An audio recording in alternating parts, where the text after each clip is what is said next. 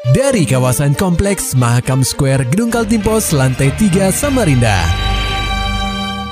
96,8 KPFM Kita akan ikuti program KP Flash News.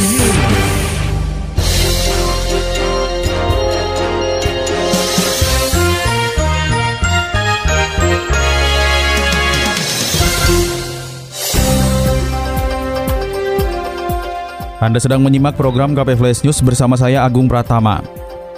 Gunung sampah yang berlokasi di tempat pembuangan akhir atau TPA Bukit Pinang tiba-tiba terbakar hebat pada Minggu 24 September 2023. Kepulan asap hitam tebal menyelimuti area yang kini sudah tidak digunakan lagi oleh Pemkot Samarinda sebagai TPA sejak pertengahan September lalu.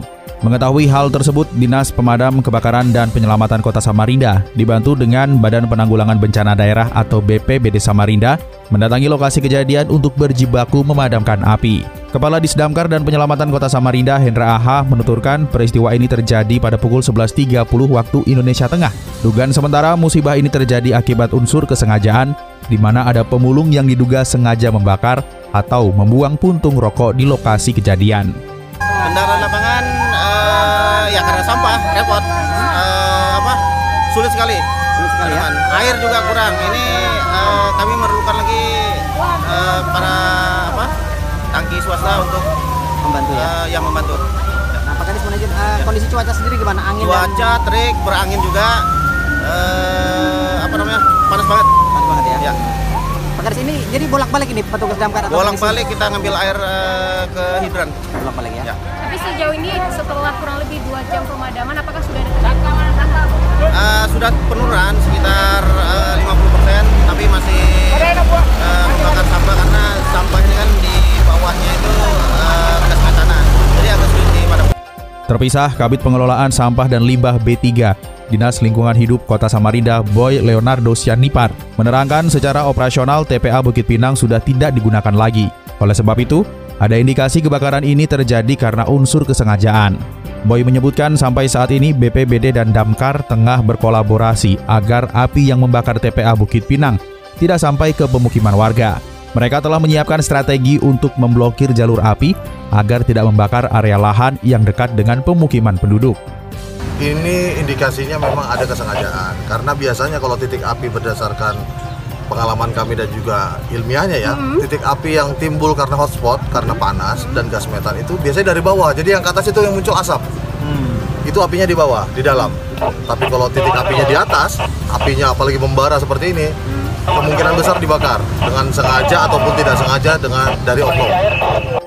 Sampai dengan Senin 25 September 2023, regu dari Disdamkar dan Penyelamatan Kota Samarinda, BPBD Samarinda, BPBD Kaltim serta unsur relawan masih terus berjibaku untuk memadamkan api yang masih membakar tumpukan sampah di TPA Bukit Pinang.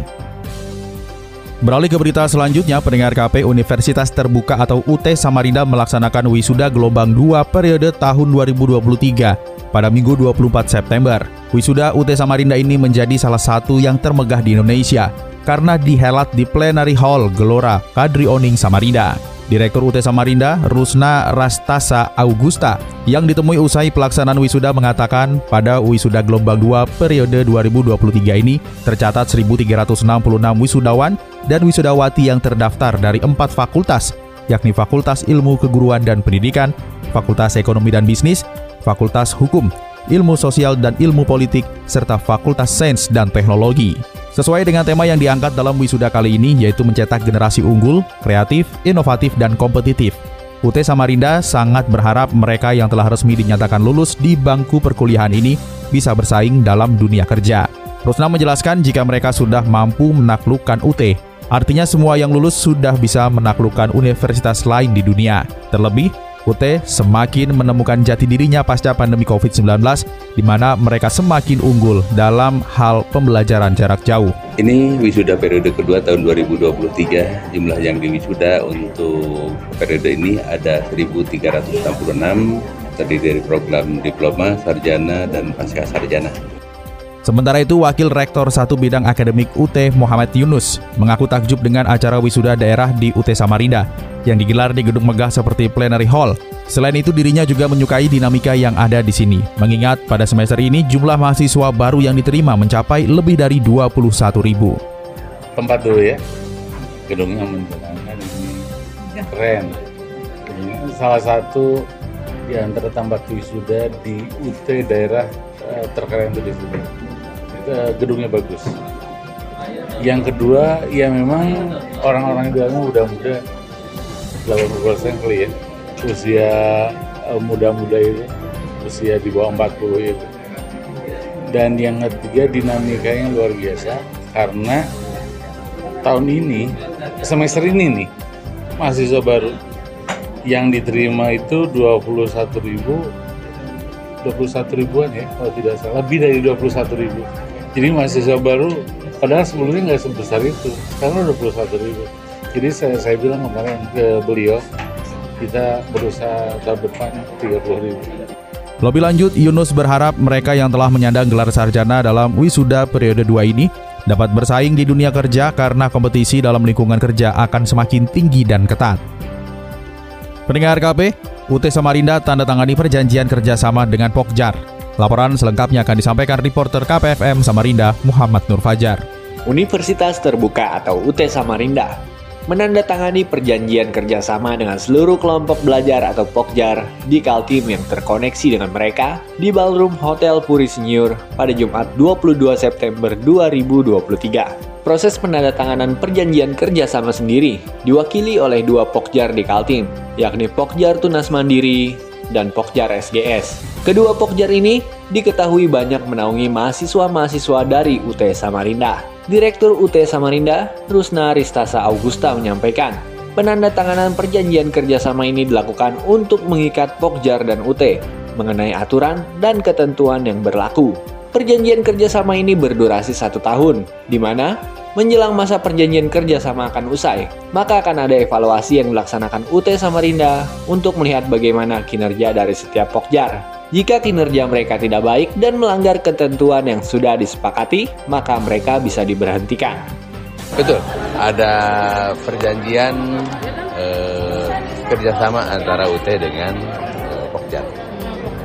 Ya, intinya berarti juga ada eh, aturan-aturan, ketentuan-ketentuan di dalamnya ya, yang mengikat ya, antara eh, Pokja dengan universitas juga. Jadi dari ketentuan-ketentuan itu ada hak yang akan diperoleh Pokjar, juga ada kewajiban yang harus dilaksanakan Pokjar. Ya, di dalamnya berisi itu. Penandatanganan perjanjian kerjasama ini turut disaksikan oleh Wakil Rektor 1 Bidang Akademik UT, Muhammad Yunus. Kedatangannya jauh-jauh ke kota Tapian, tidak lain hanya untuk memberikan motivasi kepada Pokjar untuk bekerja lebih giat lagi. Pertama, memberikan support buat teman-teman bahwa masih masih tidak mudah. Tetapi itu masih. Gitu. Itu satu. Yang kedua mereka paham mekanisme kerja terbaru yang sedang dilakukan oleh termasuk kebijakan terbaru. Karena tantangan yang dihadirkan oleh kementerian juga berubah. Dan UT juga sedang menghadapi perubahan. Karena itu teman-teman Pokja harus dukung gitu. Kemudian yang ketiga mereka harus semakin kokoh dalam menghadapi dinamika gimana pralulusan itu bukan sekedar lulus tetapi membawa sesuatu yang berarti supaya mereka punya masa depan yang lebih bagus itu aja. Yunus mengungkapkan, UT sendiri sedang berupaya untuk menjaga daya tahan mahasiswa agar bisa menyelesaikan studinya hingga selesai. Sehingga ia berharap teman-teman Pokjar dapat lebih memotivasi mahasiswanya supaya resistensi mahasiswanya dapat menyentuh angka 100%. KPFM Samarinda, Muhammad Terfajar melaporkan. Beralih ke berita selanjutnya, pendengar KP program Tuku Lemah oleh Omah tingkatkan penghasilan warga miskin Purworejo 20 September 2023. Sejak diluncurkan tahun 2020 lalu, program Tuku Lemah oleh Omah sudah merealisasikan lebih dari seribu rumah bagi warga miskin di Jawa Tengah. Salah satunya adalah Maulana Adi Prasetya, warga Dukuh Pangempon, Desa Brunorejo, Kecamatan Brunorejo, Kabupaten Purworejo. Ditemui di rumahnya Rabu 20 September 2023. Pria yang memiliki usaha pembuatan kerajinan keranjang pesanan untuk syukuran perayaan Maulid Nabi ini merasa bahagia atas terwujudnya mimpi memiliki rumah sendiri. Ia pun mengaku penghasilannya meningkat setelah mendapatkan bantuan tersebut.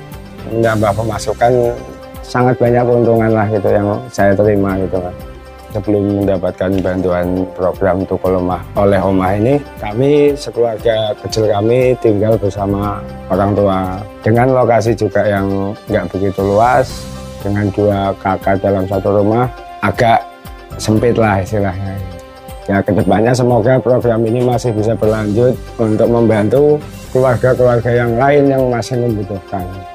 Sementara itu, Kepala Desa Bruno Rejo Mahmud Ali mengatakan, di wilayahnya terdapat lima penerima manfaat bantuan tuku lemah oleh Omah yang secara umum penerimanya berasal dari keluarga yang kurang mampu. Masyarakatnya jelas sangat terbantu sebab hanya dengan punya lahan kosong, mereka bisa mendirikan rumah dari bantuan program tuku lemah oleh Omah. Sebagai informasi, program Tuku Lemah oleh Oma adalah salah satu program yang digagas Gubernur Jawa Tengah periode 2013-2022 untuk menangani kemiskinan. Setelah membangun 639 rumah untuk warga miskin sejak 2020 sampai 2022, kini 615 rumah mulai dibangun pada 2023.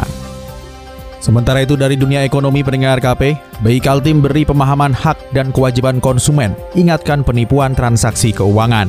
Laporan selengkapnya disampaikan reporter KPFM Samarinda, Maulani Al-Amin. Pelbagai isu tentang komplain nasabah hingga bagaimana cara perlindungan konsumen sangat masif di tengah masyarakat. Hal ini tidak luput dari perhatian kantor perwakilan Bank Indonesia Provinsi Kalimantan Timur. Pada Selasa pekan lalu, BI Kaltim menggelar capacity building terkait sosialisasi peraturan BI nomor 3 tahun 2023 tentang perlindungan konsumen BI dan penanganan pengaduan konsumen. Target sasaran sosialisasi itu adalah pemangku kepentingan di daerah. Tujuannya agar memiliki pemahaman komprehensif terkait hak dan kewajiban konsumen dalam melakukan transaksi keuangan, sekaligus bisa memberikan pelayanan yang lebih baik ke masyarakat. Deputi Kepala KPW BI Kaltim Hendik Sudaryanto mencontohkan, banyak konsumen keuangan yang tak sadar untuk menjaga PIN dan kata sandi dalam bertransaksi dengan baik. Walhasil, ada sejumlah konsumen yang terjerat penipuan di transaksi digital.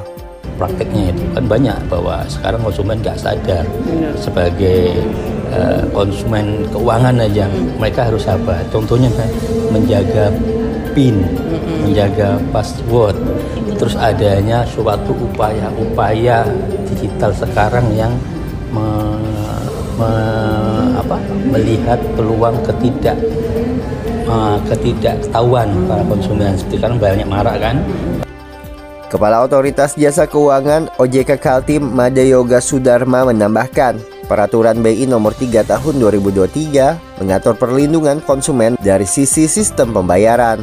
Mada menyebut perlindungan konsumen ini tidak hanya menjadi tanggung jawab BI dan OJK. Dan itu lebih ke arah mengatur perlindungan konsumen dari sisi sistem pembayaran.